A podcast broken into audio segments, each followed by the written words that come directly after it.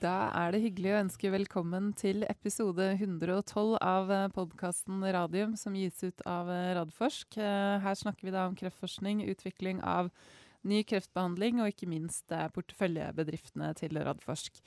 Datoen i dag det er 15. januar 2020. Nytt tiår. Velkommen i studio, Jonas Einarsson. Takk skal du ha, Elisabeth. Godt nyttår. Godt nyttår. Eh, vel overstått jul og Ja nyttår. Alt, alt er overstått. Alt er Alt er overstått. Klar, klar for nyttår. Ja. Ja. Vi, vi, du og jeg, har hatt litt sånn sykdomsgreier. Sånn er det når man uh, har med barn å gjøre. Ja, Særlig bare barnebarn. Særlig barnebarn, ja. De er de største smittekildene. Roten til alt ondt. Og mye godt også, da. Oi. Eh, og så er vi så heldige at vi har med oss eh, en gjest i studio i dag. Og det er da Bjørn Klem, som leder Oslo Cancer Cluster Inkubator og tidligere jobbet som prosjektleder i Photocure. Takk for det. Ja, velkommen tilbake. Jo takk, det gleder jeg meg til. Ja, Å være her igjen. flott. Du må snakke rett inn i mikrofonen. Det skal jeg gjøre. Enda mer direkte. Du har vært med oss før, men nå har jeg hatt det så travelt, slash vært litt sånn redusert, at jeg har ikke klart å gå tilbake i arkivet. Men jeg tror det er et par år siden. Det tror jeg nok det kan være. Mhm. Ja, Ja. men det er veldig hyggelig å ha deg tilbake. Ehm, jeg tenkte vi må jo starte med vår uh, sedvanlige aktuelt uh, skjedd Ja. siden sist eh, spalte. Og det som har skjedd siden sist, er at du har vært i Dagens Næringsliv i romjula. Ja. På, med et bilde av deg og Erna Solberg fra da Innovasjonsparken ble åpnet. ja. Ja, men det var ikke Innovasjonsparken som var tema. Nei, det var Radforsk. Ja. Og det var jo hyggelig, det. Bli, at vi blir lagt merke til. Og det er ikke noe tvil om at det er litt eh, vind i seila i uh, bioteksektoren i Oslo nå. Og, og, jeg husker ikke helt oppsvinget kom vel sånn rundt november. Ja, disse nyttårsrakettene, hvorav de fleste var eh, da porteføljeselskapene til Radforsk som er på børsen. Ja, det, Ja. Var, det var stort sett uh, våre selskaper som er, er jo den hoveddelen av den, eh, av den sektoren og den, eh, den indeksen. Så det er, er veldig hyggelig, det. Og jeg, det som jeg syns er hyggelig, det, det er veldig hyggelig at det blir veldig stor interesse. Det er fortsatt mye svingninger uh, som vi kanskje ikke helt skjønner hvorfor. Men, men hvis vi ser på på denne etter at vi hadde et dårlig år uh, først, og så ser hvordan det har tatt seg opp nå, så så hvis man går inn og analyserer, så er det fundamentale forhold, og det er kliniske resultater, og det liksom Det ligger noe bak at det er Det, det, er, er ikke sånn at det er bare ett selskap som har gjort det godt og dratt med seg de andre, men jeg syns de aller fleste av selskapene våre har begynt å levere, og vi forventer jo også mye spennende data nå fremover i en veldig nærme fremtid. Mm, det, det gjør vi. Uh, og vi har jo også tatt inn over oss at den uh, interessen fra investorer, aksjonærer og andre er stigende, så vi har invitert inn Hans Ivar Robinson Ja. til uh, neste uke, som er investor, og som er en ganske vanlig co-investor med Radforsk. Eh, Ja, eh, den kan jeg anbefale folk som har lyst til å investere eller investert litt i denne sektoren, å, høre på Hans Ivar. Fordi altså, Hans Ivar har sitt eget private eh, fond fra penger han har tjent tidligere i denne, denne bransjen. Og, og han er den eh, som ofte er, er den, en av de første som går inn sammen med oss. Og han er veldig god på å, å vurdere teknologirisikoen. Eh, og selv om man da vet at selv om teknologien er god, så er risikoen veldig stor i denne bransjen her, så vet han allikevel også hvordan løpet, utviklingsløpet i disse selskapene er, og hvordan han tenker, i hvilken tidlig stadium han går inn, og hvor lenge han sitter, og hvordan han gjør dette her. Så det, det, det skal bli spennende å høre på Hans Ivar. mhm, men det er neste uke. Ja. Um, I går så kom det en pressemelding inn i min uh, mailboks, uh, i hvert fall. og Det er at uh, Vaxibody gjør litt endringer i styret sitt. Ja. Blant annet så får de inn en viss eh, Anders Tuv som styreleder. Han kjenner vel du ganske godt?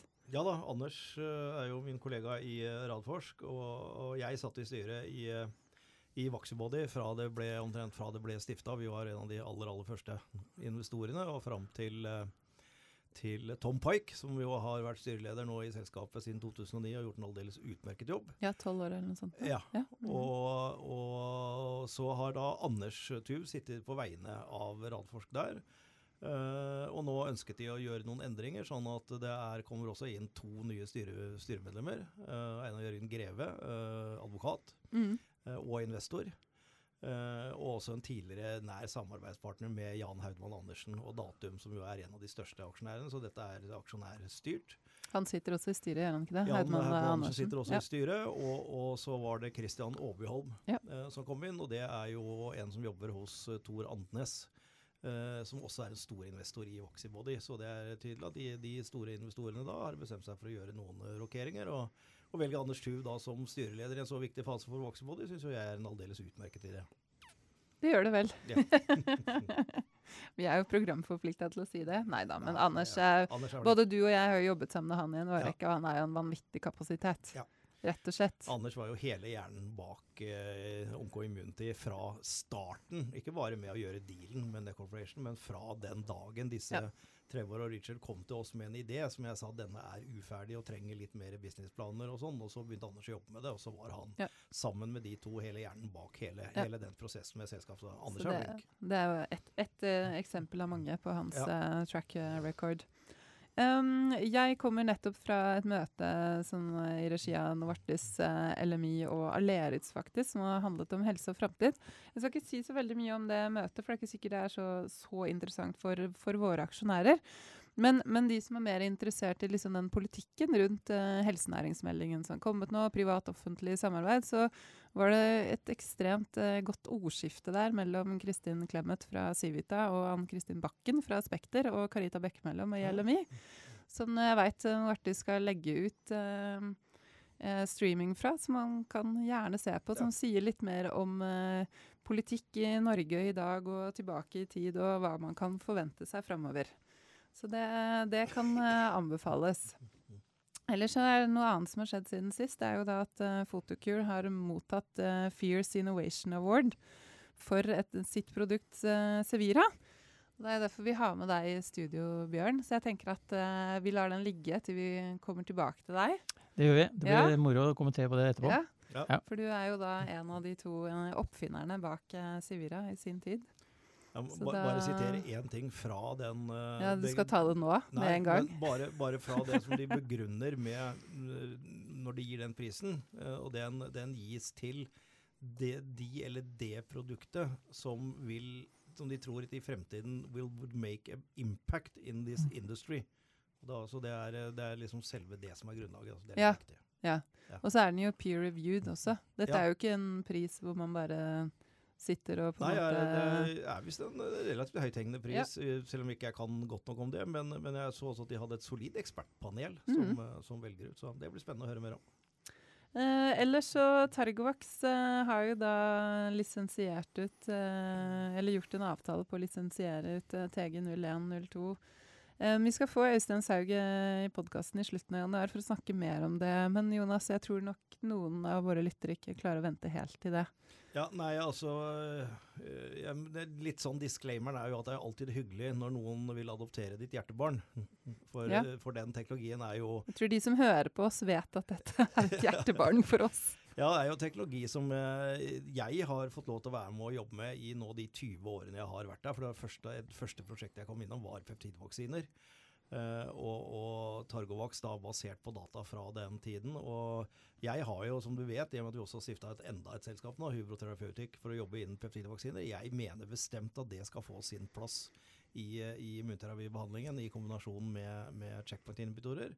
Ja, For det er også en type kreftvaksine, ikke sant? Ja, Bare sånn vi får med hvis det er noen som hører om Ja, dette det, gang? det er første det som kalles for en, en kreftvaksine. Det vil si at den, men den brukes ikke i forebyggende, den brukes når pasienten har en krefttilfelle. Og det er sjelden at vi klarer å få de aller beste resultatene med å bare bruke én ting som den, men når vi kombinerer den med checkpoint-inhibitorer, så ser det ut som den kan eh, Den type behandling kan, eh, kan finne sin plass.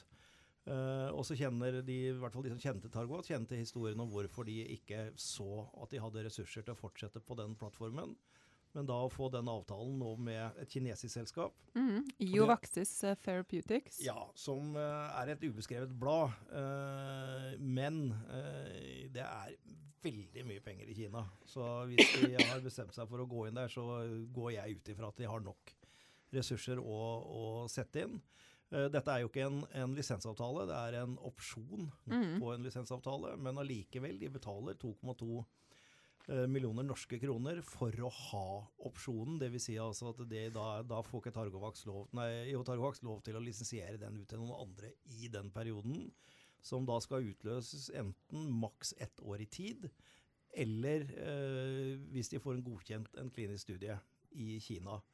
Eh, som da utløser en, en uh, upfront på 3 millioner dollar.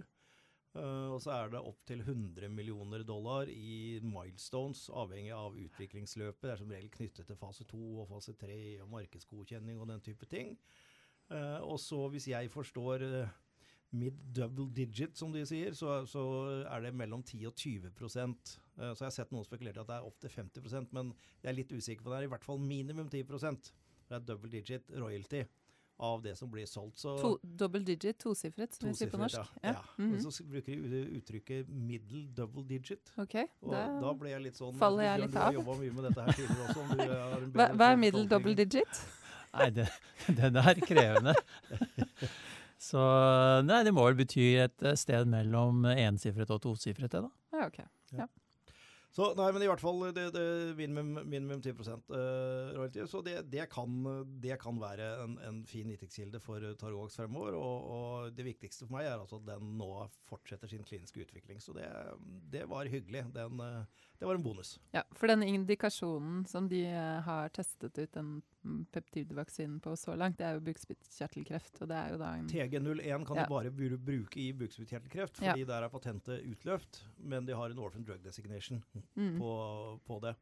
Uh, om det kan gjøres annerledes i Kina, det vet jeg ikke. Uh, eh, TG02 derimot kan brukes på flere typer kreft. For det, der, er, der er selve TG02 som er eh, patentert, og nylig patentert. Sånn at det kan godt være at de velger å gå videre med TG02 også i bukspyttkjertelkreft. Det vet mm. jeg ikke, men det blir spennende å følge hvordan de har tenkt å gjøre det videre.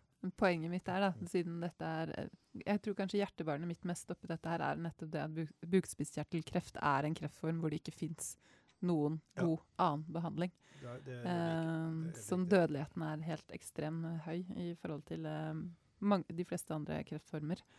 Men det blir uh, spennende å få litt mer uh, konkret fra, fra Øystein uh, om, noen, om, et par uker, bare. Um, ellers, det har jo ikke skjedd, men i morgen 16.1 så er det da Cancer Crosslings, det årlig store kreftmøtet i regi av Oslo Cancer Cluster og BMS. Og i år har de også med seg Sanofi Genzyme. Um, det blir jo da streamet fra nettsidene til Oslo Cancer Cluster. Um, det er et faglig tungt møte, kan man vel eh, si, for å være diplomatisk. Men veldig spennende. Jonas? Det er, det er veldig spennende, og, og, norske klinikere og norske forskere setter stor pris på det møtet. Uh, de får muligheten til å høre foredragsholdere som de ellers må reise over til USA og være med på de store kongressene for å, for å høre og møte direkte.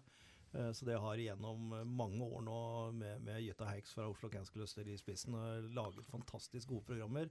Ja, de er, de er faglig tunge, men de er veldig sånn fremtidsretta. Så det, ja. som, det, som, står på Jeg så, så, så, gjennom programmet, og det som står på det programmet, er, er, de områdene hvor jeg tror det kommer til å skje noe spennende fremover. Så det er veldig sånn fremtidsretta. Så er man interessert i i, i, i, forskningen og utviklingen og, og hvor, hvor, trendene går hen, så er det vel verdt å høre på. Men det er faglig tungt, det er det. Ja. Og det er jo særlig Det blir mye på immunterapi, eh, ja. så jeg. Og så blir det en del på mikrobiom og mikrobiota. Det er jo da ja. tarm, tarmfloraen og ja. bakteriefloraen og hvordan det influerer på, på rett og slett behandling. Ja. For det er jo spesielt i forhold til immunterapi, har det vel veldig, mye å si? Veldig voksende felt, uh, og begynner å forstå litt mer enn nå. Uh, jeg kom faktisk uh, nå rett fra et møte med, med Jeg kommer tilbake til selskapet senere, men det er noen som har et, et selskap som er relativt tidlig i utviklingen. Men det kan se ut som de har en teknologi hvor vi kan forstå og veldig, på kort tid skjønne denne for, uh, forskjellen i bakteriestammene og hva de gjør. Og kanskje vi kan predikere at du skal ha den behandlingen fordi du har den type mm. bakterier, men ikke den behandlingen for den type bakterier. Dette får mer og mer plass på de internasjonale konferansene. Så det syns jeg er liksom et av de veldig spennende områdene å se på fremover. Mm. Så bra. Men da, da, må vi slutte å preike så mye. Slutt å kjate. Eh, så kan vi heller overlate pratingen til Bjørn. Vi har sikkert noen spørsmål og, og kommentarer. Men, men uh, først, hva, når du så nyheten i, i uh, tror det var romjulen om at uh, Sevira hadde fått denne Fierce Innovation Award, hva, hva, tenkte du da? Det var morsomt. Jeg ble faktisk ringt opp det? av vår lysmester i fotokur den gangen, Morten Groseth. det var han og jeg som utviklet dette produktet og devicet. Og han lurte på om jeg hadde sett nyheten, og det hadde jeg ikke. Så da ble det mye stor ståhei, og vi kastet meg rundt og tittet på dette og syntes det var veldig morsomt. Um, særlig fordi dette har jo ligget nede, prosjektet har ligget nede i mange år. Uh, og jeg hadde vel egentlig gitt opp håpet om at Fotokur skulle klare å lisensiere det ut. Jeg visste at det var folk som jobbet med det, men uh, det, var, uh, det tok tid. Og vi kan komme tilbake til det, men, men også um, markedet i Europa og USA har vel også eh, tatt igjen kanskje noe av dette i form av at man gjør noe vaksinering hos, av unge kvinner, og man, det kommer andre behandlinger, sånn som f.eks. Vaxibody, som lager vaksiner mot dette. sånn at jeg, jeg, trodde ikke dette skulle komme opp igjen, men er veldig glad for at det skjedde. Mm. Da må du fortelle hva, hva Sevira er, og hva det skal uh brukes mot? Ja, Sevira er et uh, produkt som baserer seg på fotodynamisk teknologi, uh, i og med at det kommer fra Fotokur, som da også brukes bl.a. i PCI Biotech, den samme teknologien, uh, for å gi en vevsbesparende metode til behandling av celleforandringer på livmorhalsen. Um, fortsatt så er den vanligste metoden det er å konisere, dvs. Si fjerne disse celleforandringene med kirurgi på forskjellige måter. Uh, og det er, uh, det er, det er, ugreit i forhold til unge kvinner spesielt. Mm. Som da skal uh, ha få barn. Det, man, det, som skjer ved at man fjerner deler av livmorhalsen, hvor disse celleforandringene sitter, gjør at denne muskelen blir svakere. Og man har en risiko for både blødninger og andre og infeksjoner, men også at man føder for tidlig. Og det er for så vidt Eh, greit hvis man normalt føder i 39. uke, men hvis man føder for tidlig pluss enda tidligere pga. dette, så det, kan det være veldig ugreit. Mm. Og det er mange som får disse celleforandringene? Det er veldig mange som får det. Det er jo forårsaket, som sikkert de fleste her vet, av HPV-infeksjon. Uh, sånn at som jeg tror det er 25% av alle uh, kvinner, unge kvinner, studenter og unge kvinner har disse infeksjonene, men de aller, aller fleste går bort. Og så blir det sittende igjen i 10% av dem, av kvinnene, en vedvarende infeksjon. Og hvis du har de ugreie typene, det fins 14 onkogene typer av disse, og hvis du har de mest aggressive av disse, så har du en stor risiko for å utvikle disse celleforandringene. Mm. Så Det er jo grunnen til at man nå vaksinerer 12-13-årige jenter for dette. Mm. Og bør vaksinere gutter også? Det bør man jo absolutt vurdere. Det er faktisk Det er greit å ta alle, tenker jo jeg. Ja, det er det faktisk. Men fokuset har vært på kvinnene til nå. Ja. Men jeg håper guttene også kommer med, da. Mm. Så, så, dette startet det forskning på med fotodynamisk teknologi på 90-tallet. Uh, og Fotokur var da i kontakt med et miljø i Tyskland, en gynekologer der, som brukte fotodynamisk teknologi, men måten de gjorde det på, uh, var tungvint. Det kjennetegner jo for så vidt uh, denne teknologien, er at du har et lysømfintlig kjemikalium i form av en krem eller noe man smører på, og så trenger du en lyskilde til å aktivere det etter noen timer. Det innebærer at du må først applisere en krem, og så må du tilbake og sette på et lys. Og det håndteres typisk av spesialister på et sykehus. Eh, det vi skjønte tidlig, det var at hvis vi skal komme noen vei med dette, så må det være enkelt. Eh, og det må kunne gjøre, gjøres eh, med ett besøk hos en gynekolog, og så ikke mer. Og det var en stor utfordring å få til. Så vi klødde oss fælt i hodet og tenkte på mange forskjellige løsninger, men syntes at det, det devicet som vi kom opp med, det, det, utstyret, det var ganske genialt. Fordi det tillot en innsettelse med, denne, med legemiddelet av en gynekolog.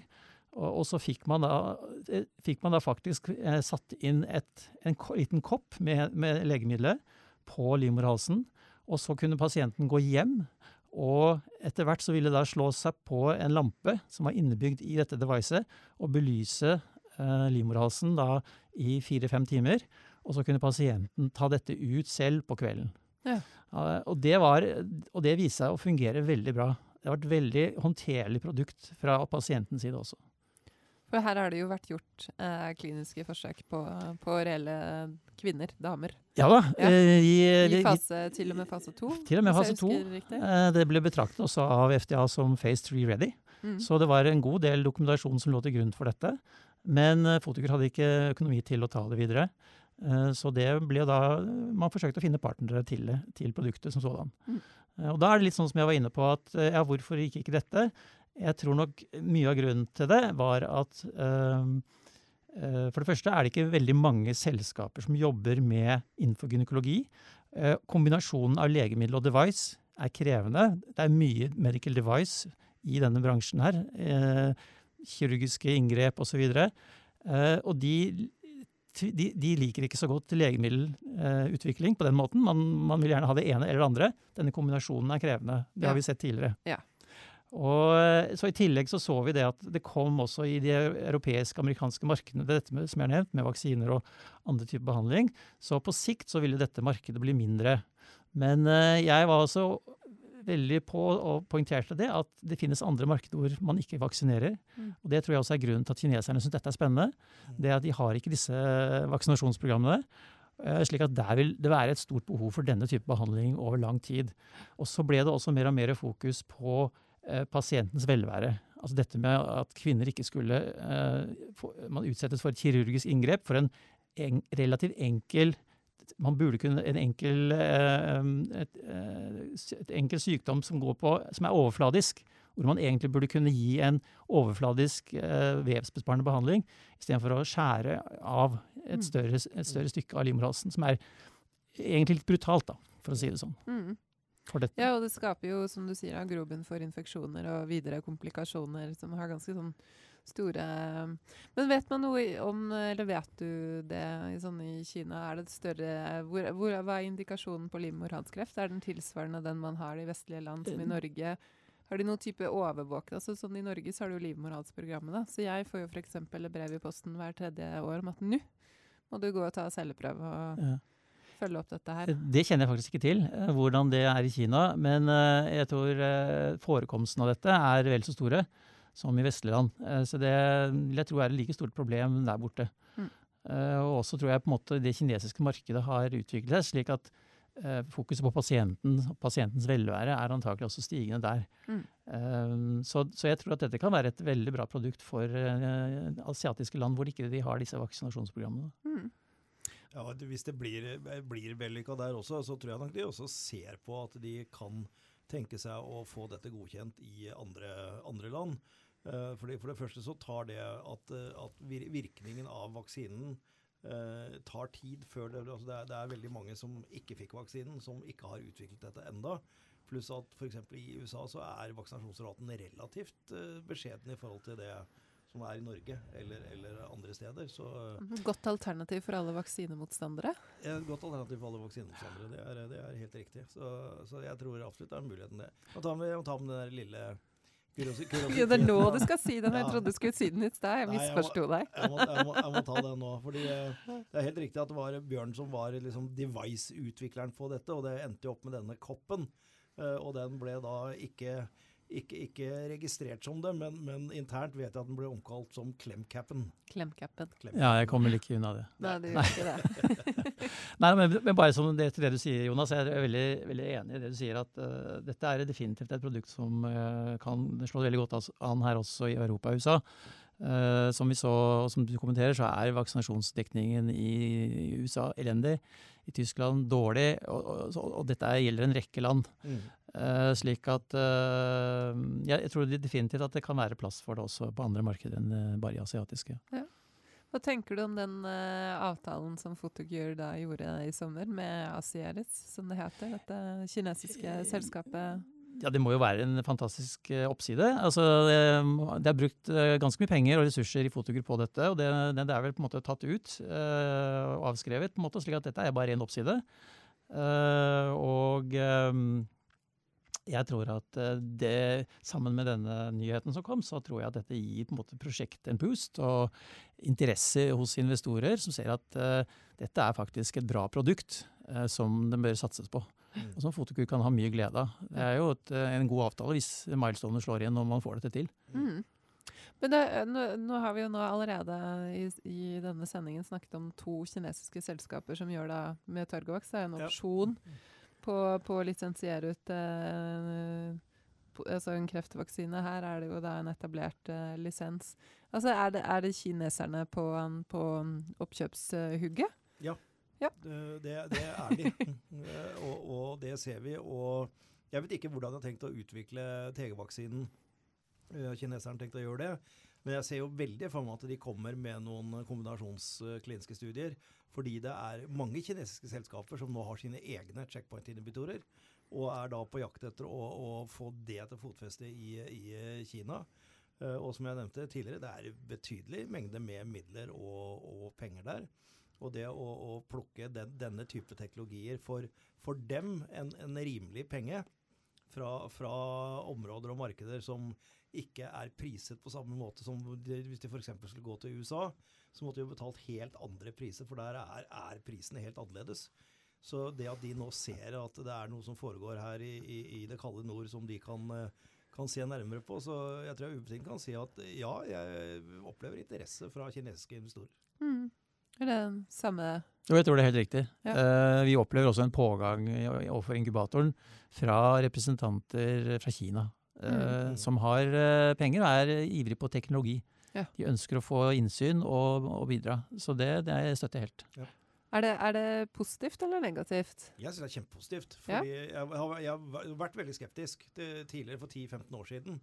Men, men, så har det skjedd store endringer uh, med det kinesiske markedet og med det som det kalles for CFDA, altså Kinas FDA. Har, jobber egentlig etter de samme regler og rutiner som FDA eh, gjør nå. Eh, og, og, Kina har heller ikke det der som f.eks. Japan i en sånn utviklingsfase er nærmest stengt, fordi de forlanger at alt skal gjøres fra, omtrent fra preklinikken på japanske laboratorier. Mm. Mens, mens, Kina kan da ta inn sånn som dette og gå lø, rett løs på en, kanskje en pivotal studie. Mm. Så, så og, og, de, og, de, følger opp de, de, kliniske studiene ifølge protokollen. Som, de er like strenge på det etiske ja. og de, de, må nok enda Dette kan jeg ikke nok om, men jeg tror ikke de kan liksom få en godkjenning på kinesisk marked og så sende det som en søknad til FDA om å få godkjent på i USA. Men er, det er også mye, mye, samarbeid på den fronten, til tross for Trump og, og, og dette og handelsavtaler og, og boikotter og sånn, så er det mye samarbeid på det området. Så at dette blir mer samordna etter hvert, det, det, tror jeg på. Og da er det Kina, Sør-Korea og Taiwan som er de veldig spennende markedene i, i Asia, syns jeg. da. Mm. Er du Nei, jeg kjenner ikke så godt til det, men jeg, jeg tror nok Jonas Jons har rett i mye av det han sier. Ja. Uh, men jeg kjenner ikke spesifikt godt nok kravene de stiller. Men at det er skjerpet, at det blir skjerpet, og mer og mer går den veien mot de vestlige kravene, det er jo helt sikkert. Mm. Men det er bra. Det er godt, godt å høre. Um, jo, jeg tenkte på denne innovasjonsprisen. Hva, hva, tenker du det kan bety for Photocure og også den videre utviklingen av, av Sevira nå? Hva, hva, betyr egentlig sånne priser? Er det sånn flott? Det er klart det er, mye, det er, mye, oppmerksomhet der og da, eh, og litt juballong og gøy. Eh, så får vi se. Fotokur bør jo kunne bruke det på en best mulig måte, og, og kineserne, i, i, forhold til dette prosjektet. Så jeg tror, tenker at det skaper eh, attention, på en måte. altså At man får mye oppmerksomhet rundt det. Og så er det jo en anerkjennelse av en teknologi Eh, og et produkt som kanskje har gått litt under radaren. Eh, at, eh, det er som Jonas innledet med her, at dette er altså et produkt som man ser har et stort potensial fremover i tid. Så det tror jeg kan bety litt. Det blir også en, en ekstern evaluering av et produkt som er positiv for, for dette. Mm. Og Hvor lenge siden var det dere utviklet det, du og makkeren din? Ja, Dette holdt vi på med på 2005-2010. Så det begynner å bli noen år. Ja. Eh, derfor er det ekstra moro å se at det, det er liv i den gamle, den gamle, hesten. Ja, Det er ekstra gøy å se at du får en innovasjonspris i 2019. Ja, det er veldig gøy. Ja. det du gjorde da, er innovativt uh, nå. Men um, vi går litt videre og går over til uh, neste eller andre grunnen til at vi inviterte deg i studio. og Det er jo det at du leder Oslo Cancer Cluster Inkubator. Uh, Jonas, jeg tenker du kan jo først si noe om inkubatoren, for du er vel eh, holdt på å si eh, hjernen, hjernen bak? Ja da, det var Til dels. Ja. Kanskje ikke helt alene, men uh... Nei, det var, det var, vel nok en gang Kåre Norum og jeg som, som jobbet med disse ideene rundt uh, Innovasjonsparken. vi var da selvfølgelig helt avhengig av å få inn store uh, leietakere med langsiktige kontrakter for å få noen til å ville investere de pengene som skulle investeres for å bygge parken. Uh, og jeg var da redd for at hvis vi hadde for stort uh, fokus på det, som jo var viktig, og det, det gjorde vi. Vi fikk jo inn Kreftregisteret, vi fikk inn Oslo universitetssykehus i det vi kaller for den blå blokka, altså den ene uh, lamellen her. så var jeg veldig opptatt av at det skulle jeg, Hele ideen var at vi skulle lage nye selskaper, utvikle nye selskaper og få de inn i dette miljøet. Og da måtte vi ha et sted for, for de å være. Uh, og da, da, var da ideen om, om, å lage et eget selskap, som da ble Oslo Cancer Inkubator AS, komme kom opp. Sånn at de sikret seg tilgang til en del av disse lokalene. Uh, og det, det, er grunnen til at vi satte opp at Bjørn da har et visst antall kvadratmeter. Er det 3000 du har som, som er direkte under det du har. Det kan du, du kan rette meg opp på tallene. Men de skulle ha det selv. Men samtidig så ønsket jeg at det skulle være en Eh, de som skulle knytte alle sammen. Også de større leietakerne som Thermo Fisher og andre som har direkte avtaler med, med, med byggherrene, men at de skulle være en del av inkubatormiljøet. Sånn at vi fikk sveisa alt dette sammen. Det var liksom den store hovedideen eh, med dette her. Og da oppretta vi da det selskapet med, med flere eiere, bl.a. Siva, som Bjørn kan komme inn på. og det det har jo vært svært vellykka. Altså vi, vi, har jo kontor i samme etasje som Bjørn og, og, inkubatoren. Og ser virkelig hvordan det summer der. og Jeg fleipa jo med at det, det viktigste punktet i hele innovasjonsparken var kaffemaskina på utsida av kontoret til Bjørn, og det er jaggu blitt. altså. Så det er, det er moro å se på. Det stemmer. Det er ikke ja. tvil om det. Nei. Nei, og jeg, jeg, som sitter her et par dager i uken, jeg blir jo stadig flyttet rundt på forskjellige kontorer. og Ja, det er men, men det er jo sånn det er. Og ser jo stadig vekk nye folk i gangen og knytter jo nye kontakter og får høre om nye prosjekter. og Det er jo veldig, veldig gøy.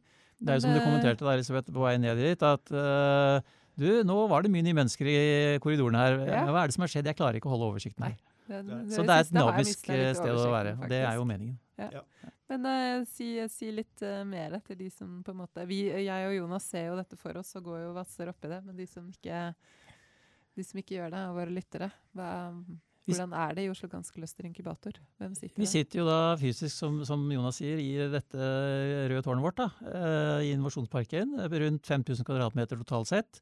Uh, med stort og smått. Uh, vi har ca. 35 bedrifter her. Hvorav 15 er biotekselskaper. Og det er jo de jeg har spesielt litt oppfølging av. Det får jeg da programstøtte fra Siva for å, for å gjøre. Uh, Jonas nevnte Siva, og det er jo en veldig viktig aktør inn i dette. De er eiere, en stor eier i Innovasjonsparken. De er også eier av deleier av inkubatoren. Og som jeg nevnte, gir også støtte til, til de tjenestene vi skal tilby. Så det er vi veldig glad for at vi har klart å holde på denne, den kontakten der gjennom mange år nå. Eh, det er selvfølgelig litt spennende nå, for det, det, er litt omorganisering i virkemiddelapparatet. Så vi er alle litt spente på hvordan det går videre. Men vi regner med at vi har levert bra um, så langt, og vil fortsette å få den støtten. Um, så er det jo sånn at vi, vi jobber da, som jeg nevnte spesifikt, med de oppstartsselskapene. Alt fra prosjekter til tidlig, veldig tidlig fase. Sånn at det, det, det, der er, er der vi kan bidra mest. Etter hvert så utvikler selskapene seg med folk som Jonas og andre som har kompetanse. Man får inn gode folk i styrer, i advisory boards. Og så klarer jo selskapene seg mer og mer selv. Eh, men fremdeles er det viktig at de er i miljøet, fordi de, de både lærer og kan også etter hvert bidra til de andre.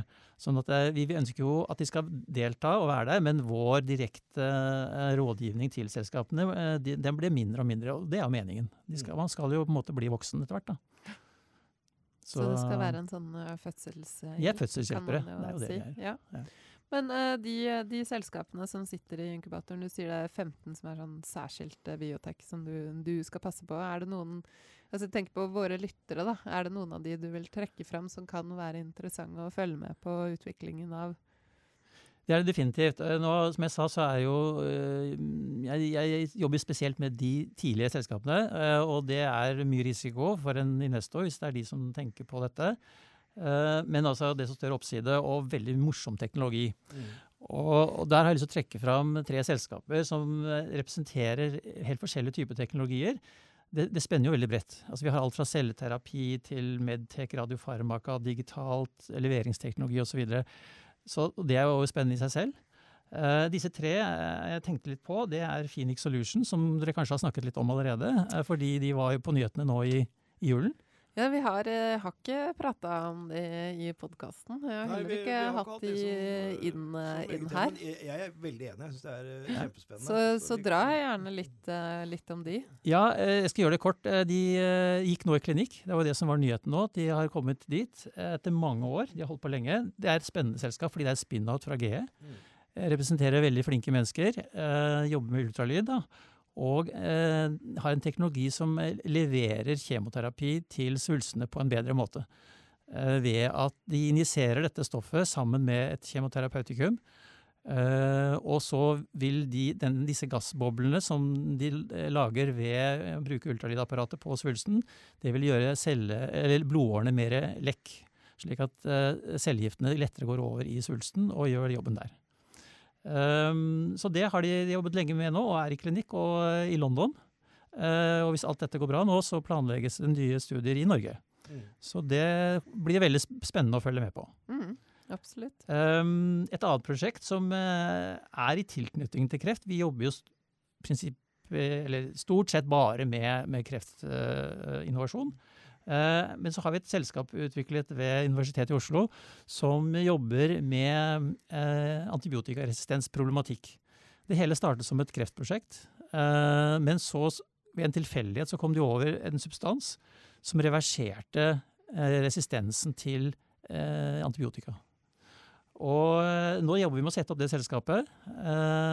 Og de har kommet til preklinikk, så de har faktisk gjort en god del gjennom virkemiddelapparatet for ny. så der er det også Der ser vi nå på, på um, offentlige penger. Det er jo en stor interesse for, for, de, for denne, de, disse tingene. Det er en problemstilling som er aktuell i alle sammenhenger. Eh, typisk for kreftpasienter så dør de 20% av dem dør av infeksjoner. Mm. Og ikke av kreften. Så, så, dette er på en måte et slags støtteprodukt opp mot kreftbehandling, som er veldig ja. relevant for det vi driver med. Jeg vet jo sånn som Kreftforeningen og, og, WHO har jo hatt masse fokus på dette med antibiotikaresistent. Jeg vet jo Kreftforeningen sier jo det at uh, hvis, hvis, du på en måte får antibiotika som er resistent, da det spiller jo nesten ikke noe rolle med kreftbehandling. For det, det, du må ha antibiotika når du er på sykehus og blir behandla for kreften din. Ja, du må det. Mm. Så, så det et, veldig aktuelt for dette selskapet er jo å gå og hente offentlige penger gjennom uh, Det finnes en del programmer der ute som man skal se på, men vi trenger også private investorer inn i det selskapet. Så mm. det, det, er definitivt noe vi ser etter. Eh, og Det siste selskapet jeg har lyst til å nevne, det er jo et, uh, et medisinsk utstyrproduktselskap som heter Kongsberg Beam Technology. egentlig i en tidlig fase, men som har gjort veldig mye bra forskning kommer fra et eh, veldig interessant miljø på Kongsberg. Og det er jo litt morsomt at man kan ta teknologi fra andre miljøer. Ja, For da tenker jo jeg våpen. ja, og det er helt riktig. Dette, ja, dette kommer fra forsvarsindustri og offshore. Mm. Og det er spennende fordi man da kan ta i bruk eh, verdensledende teknologi og overføre det inn til medisinen. Så teknologien her er kjent, den er nesten hyllevare. Men den har aldri vært benyttet inn mot medisinske eh, produkter, sånn som vi gjør her. Og dette er altså styringssystemer som skal gjøre protonstrålebehandling enda bedre. Og Det er jo litt artig i forbindelse med at det nå bygges nettopp protonsentre i både Oslo og Bergen. Ja. Så her er det tett samarbeid med eh, forskere ved Universitetet i Oslo, og også forskere ved Radiumhospitalet. Eh, og sammen da med gründerne i dette selskapet så har vi stor tro på at dette kan bli en veldig, veldig morsom eh, reise. Mm. Så, eh, men her er vi i, en fase hvor uh, Forskningsrådet har bevilget opptil 15 millioner kroner. Ja, rett før jul. BIA-penger. Det ble BIA, ja. eller IPN som det nå heter. Og, ja, det skifta navn. Ja, det har skifta navn. var endelig blitt innarbeidet, og da skifter vi navn. Ja, ja. det er bra. Men eh, vi trenger også å matche dette med private penger. Så det er også en viktig del av det arbeidet vi gjør nå. Det er å sy dette sammen til en god pakke. Eh, det første vil være nå å eh, utvikle eh, digital tvilling, bruke maskinlæring Og en del av disse tingene, og Det er mye kybernetikken i dette, så det er mye avansert teknologi. Bruke miljøene her på campus og i, Oslo og, og Kongsberg. Og så i neste omgang lage en prototype, validere det og kjøre fullskalatesting opp mot åpning av nytt protonsenter i 2023. Ja. Ja. Det er kjempespennende. Ja, hvis vi da allerede nå begynner å tenke på at vi kan bruke dette protonsenteret ikke bare til klinisk behandling, men også til forskning og utvikling. Ja. Det, det, er jo det vi helst vil gjøre. Da. Ja. det er kjempegøy. Det er da, da, tenker jeg at da er det ikke nødvendigvis så eh, hva skal man si for noe, eh, bortkastede penger, nå viser jeg hermetegn i studio, med at man bygger to protonsentre i Norge. Hvis man da kan på en måte ha forskningsfasiliteter både i Oslo og i Bergen hvor man kan få utvikla noe nytt. Ja. Da har det jo på en måte en merverdi, for dette er jo veldig kostbare ting. disse protonsentrene. Det er veldig riktig det du sier, og det er fint å nevne det. fordi at uh, jeg har vel ikke sagt hva skal dette bidra med utover det som finnes i dag. Og Det denne teknologien gjør, det er nettopp å, å, å gi potensialet, å gjøre potensialet i protonstrålebehandling mye, mye, mye, altså utløse det, gjøre det bedre. Ja. Fordi den protonstrålebehandling er, har et potensial i seg til å være veldig presis.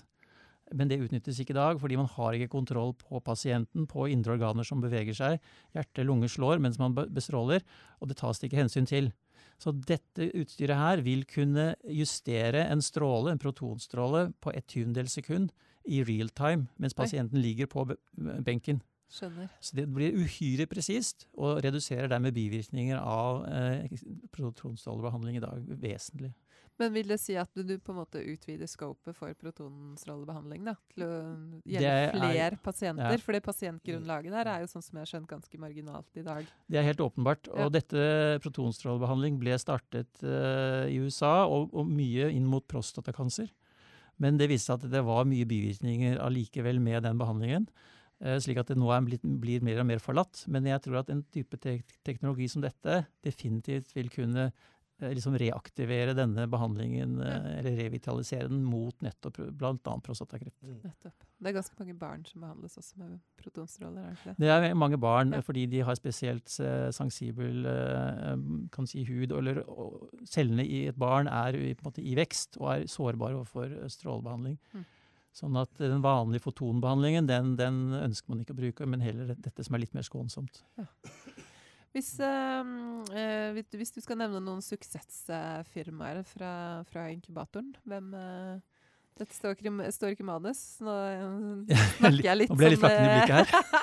Nei, du flakka ikke med blikket, men jeg bare snakker litt lenger, så du kan få tenkt deg om. Ja, altså Eh, Vi er jo involvert i, i Eh, mer eller mindre i større grad i noen, en del selskaper. Noen jobber vi veldig intenst med, andre er, er, vi mer på en måte hjelper vi til med, med kontor, laboratorier og tilgang på utstyr.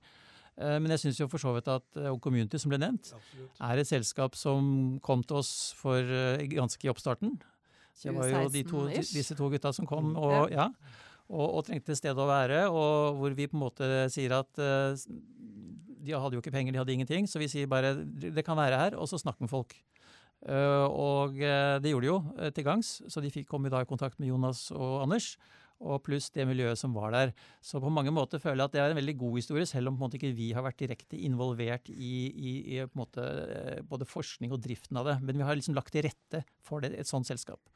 Så det syns jeg er et veldig, veldig, godt eksempel. Jeg eh, husker jo veldig godt at Richard uh, Stratford, uh, som da er leder og leder i Nøkke on Community, han satt jo på et møterom.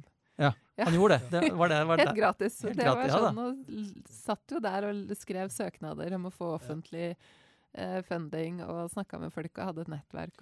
ja, altså Hvis du snakker med selskap som PCI Biotech, som uh, Ultimovax, som Celuna, så kommer de alle til å understreke viktigheten av at de faktisk er født og oppvokst i inkubatoren ja. og i miljøet. Ja. Så det er ikke bare det selve selskapsutvikling, men det er det at de fikk anledning til å være en del av dette miljøet mm. og vokste opp i det. det.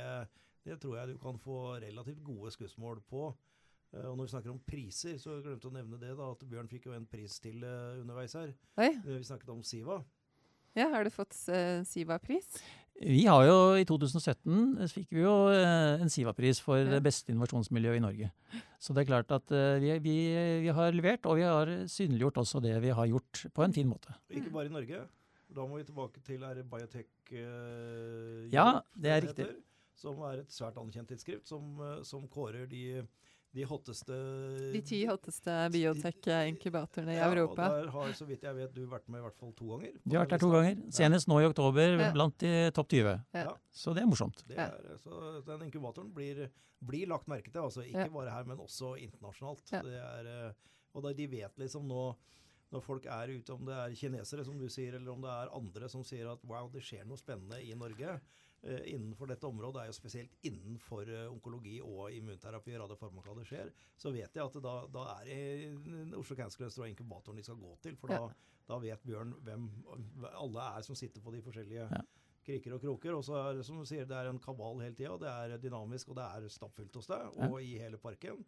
Og Derfor er det jo nå forhåpentligvis veldig kort tid til at vi kan si at nå er det full fart på vårt byggetrinn to, eh, som, eh, som eh, eh, også skal inneholde en, et større område som Radforsk skal ha, men som vil fungere også som en inkubator. Det har jeg allerede snakket med Bjørn om, at da kan han eh, utvide sitt engasjement og administrere det også over i det, i det nye bygget. Så vi er eh, det kommer til å skje masse spennende med, på det området fremover. altså. Og det som jeg kanskje syns er mest fascinerende, det har jo sittet her siden 2015, det er jo det at eh, det forskes her. Det, er jo en felles lab, og så er det jo spesiallabber også. Så, det, så det, er ikke, det er jo ikke sånn at det bare er folk som sitter på kontorene sine og jobber med, jobber med PC-ene eller Mac-ene sine og holder på sånn, men de gjør jo reell, eh, reell forskning. Ja, det er jo litt unikt faktisk at vi Mhm. har eh, offentlige forskere, altså fra sykehuset, eh, og som jobber i, på samme lab som de private bedriftene. Det tror jeg ikke du finner mange andre steder, faktisk. Nei, Det tror ikke jeg heller. Og det er jo med på nettopp å senke litt av denne terskelen som har ofte vært mellom, tradisjonelt mellom akademia og industri, som jeg syns er veldig positiv. Fordi, og den, den, er, den friksjonen er der fortsatt, men, men vi er godt på vei til å få den eh, måte normalisert på en konstruktiv måte, syns jeg. Ja. Så det, det er jo et sånn godt eksempel inntil den helsenæringsspenningen. At hvis du vil se et eksempel på privat-offentlig samarbeid in, in real life, som er så populært for tiden, Ja. så er det bare å komme i inkubatoren Absolutt. Og kikke. Vi må gå inn for landing. Vi har fått et par spørsmål fra lytterne våre. Det er jo som vanlig PCI eh, Biotech vi får inn spørsmål eh, om. De er liksom eh, publikumsyndlingen eh, vår, og det er kanskje ikke så rart med den eh, nå eh, hva, hva skal man kalle det? Forventningene rundt en potensiell avtale med, med AstraZeneca. Ja. Jeg, jeg sa til deg i går når vi hadde et lite formøte om podkasten, Jonas, at jeg skjønner ikke det første spørsmålet. Så du kan få deg til å stille det første spørsmålet og svare det sjøl. Jeg vet ikke om jeg kan svare helt uh, Nei, 100 Det er på det. komplisert. Men eh, det den lytteren sier, er jo at uh, et av endepunktene i release-studien, som er da den store studien de starter nå, så er det som heter progression free survival. Og det er altså at de du har et eh, basepunkt når du begynner å behandle pasienten, og så blir pasienten eh, enten bedre med, med, med, med partial response eller, eller fullstendig respons. Og så måler man da tiden fra første behandling til det forverrer seg igjen. Det er progression free survival. Og, og det er for så vidt et greit eh, endepunkt å gå etter. Men så sier han at de skal nå få to behandlinger. Eh, og det er nytt i denne studien. De gjorde det i, i den lille kohorten eh, som de hadde på, eh, på den eh, andre, andre studien. Og da, hvis, sier han teoretisk sett, hvis pasienten da først får en complete respons på den tumoren som man har lyst på, og så får han en tumoroppvekst før han får andre behandling, og da er jo egentlig progression free survival-tidspunktet satt når den begynner å vokse igjen, men så får han behandling nummer to, og så blir den borte. Måler man da en ny progression free survival, eller måler man fra dag én? Eh, Jeg har ikke fått tid til å snakke med Per siden du kom med dette med meg i går, men jeg tror svaret er at nei, det er å regne fra behandling én til det blir progression, og den datoen blir fastsatt. Eh, Og så tror jeg også at det er såpass kort tid mellom behandling én og to Ja, at jeg tviler på at den progression free survival, hvis den kommer allerede da, så har antagelig ikke hatt noe særlig effekt. Nei. Så jeg tror man må se på det at det er en behandling eller to, og så er det til progression som er tidspunktet, tror jeg. Det hørtes logisk ut. Mm. Hva tenker du? Jo, det høres eh, helt rimelig ut. at eh, Jeg vil gjette på det. Men Ja. du får ta en prat med Jeg skal ta en prat med en- Med Per om det der. det opp. Ja. Vi får ta, vi får ta det opp igjen uh, neste, neste uke. Men spørsmål to, da, det går jo særlig da på den uh, mulige, mulige avtalen med AstraZeneca, eller hva AstraZeneca nå ser for seg å potensielt ville gjøre med, med PCI eh, Biotech. Og da spørsmål, eh, spørsmålet lytteren eh, lurer på, er hva tror Jonas er mest Nei, én. Vil det være vanskelig juridisk sett for AstraZeneca å kjøpe kun Fimanak, altså den delen som går på nukleidsyrer, fra PCI Biotech? Uh, I forhold til uh, dette med patentrettigheter rundt Fimakjem og Fimavac. Mm. Ja, Per blir sikkert veldig glad når han hører at jeg, at jeg har spekulert rundt AstraZeneca-avtalen igjen, for det har jeg Han gjort snakka før. så mye om trilling forrige gang han var i podkasten, så dette her får du ta Nei, men dette kan vi ta, Payback time. dette, dette kan vi ta generelt. Fordi Ja. eh, PCI Biotech har en plattformteknologi. Og vi har jo vært med med flere selskaper vi med plattformteknologier hvor vi diskuterer med Big Pharma. Og, svaret at nei, det er ikke noe problem, fordi du har patentene dine i utgave. Så det, er, det er veldig komplisert og kompliserte avtaler og alt dette. Men det prinsipielle er at du har en patentbase og flere patenter som beskytter din plattformteknologi. Og så kan du lisensiere ut eksklusivt eller non-eksklusivt bruken av den teknologien innenfor bestemte indikasjoner eller innenfor bestemte bruksområder. Da har du låst det, men resten av plattformen din og bruken av den er fortsatt åpen for andre typer utlisensieringer. Og så er spørsmålet da, så jeg husker riktig, nummer to der, er det sånn at du tror at AstraZeneca vil kjøpe hele selskapet? Nei, jeg tror ikke det. Fordi at hvis de skal kjøpe hele selskapet, så må de verdsette alle tre plattformene med til en full verdi. Og hvis de ikke er interessert i Fimavac f.eks., så er ikke de interessert i å verdsette det til 3-4 milliarder kroner, fordi det er den reelle verdien, og ikke skal bruke det. Så, så jeg, på den annen side så ser vi også at plattformteknologiselskaper kjøpes opp med rubbel og bit, men da ofte i mer preklinisk stadie.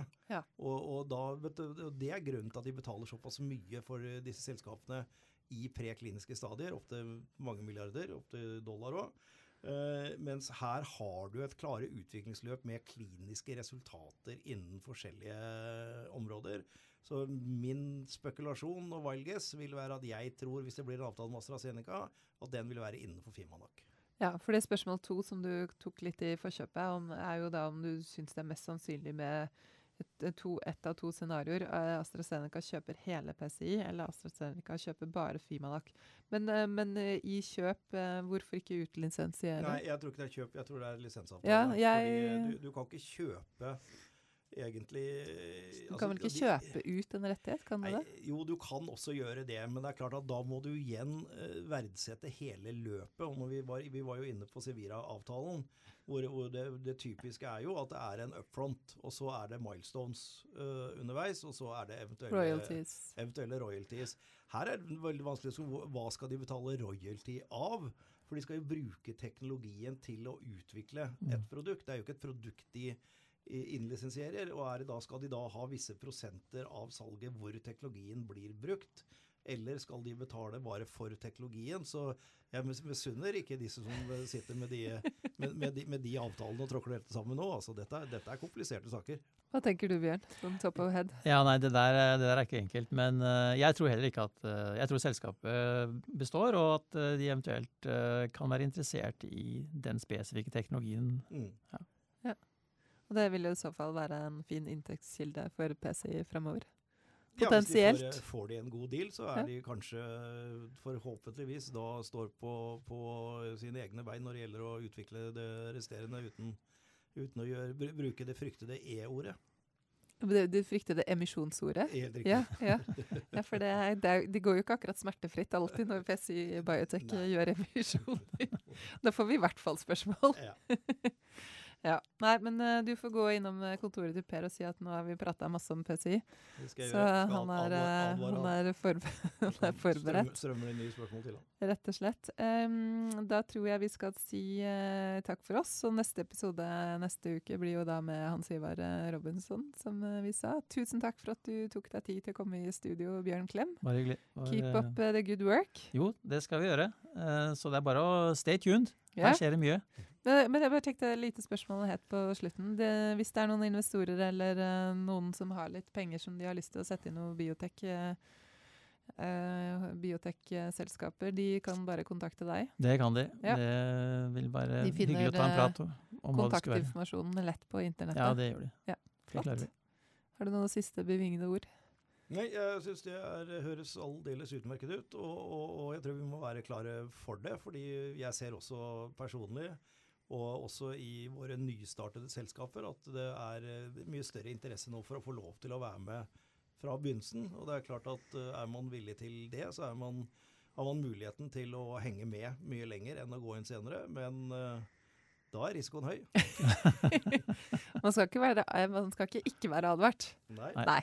Flott. Takk, takk for i dag.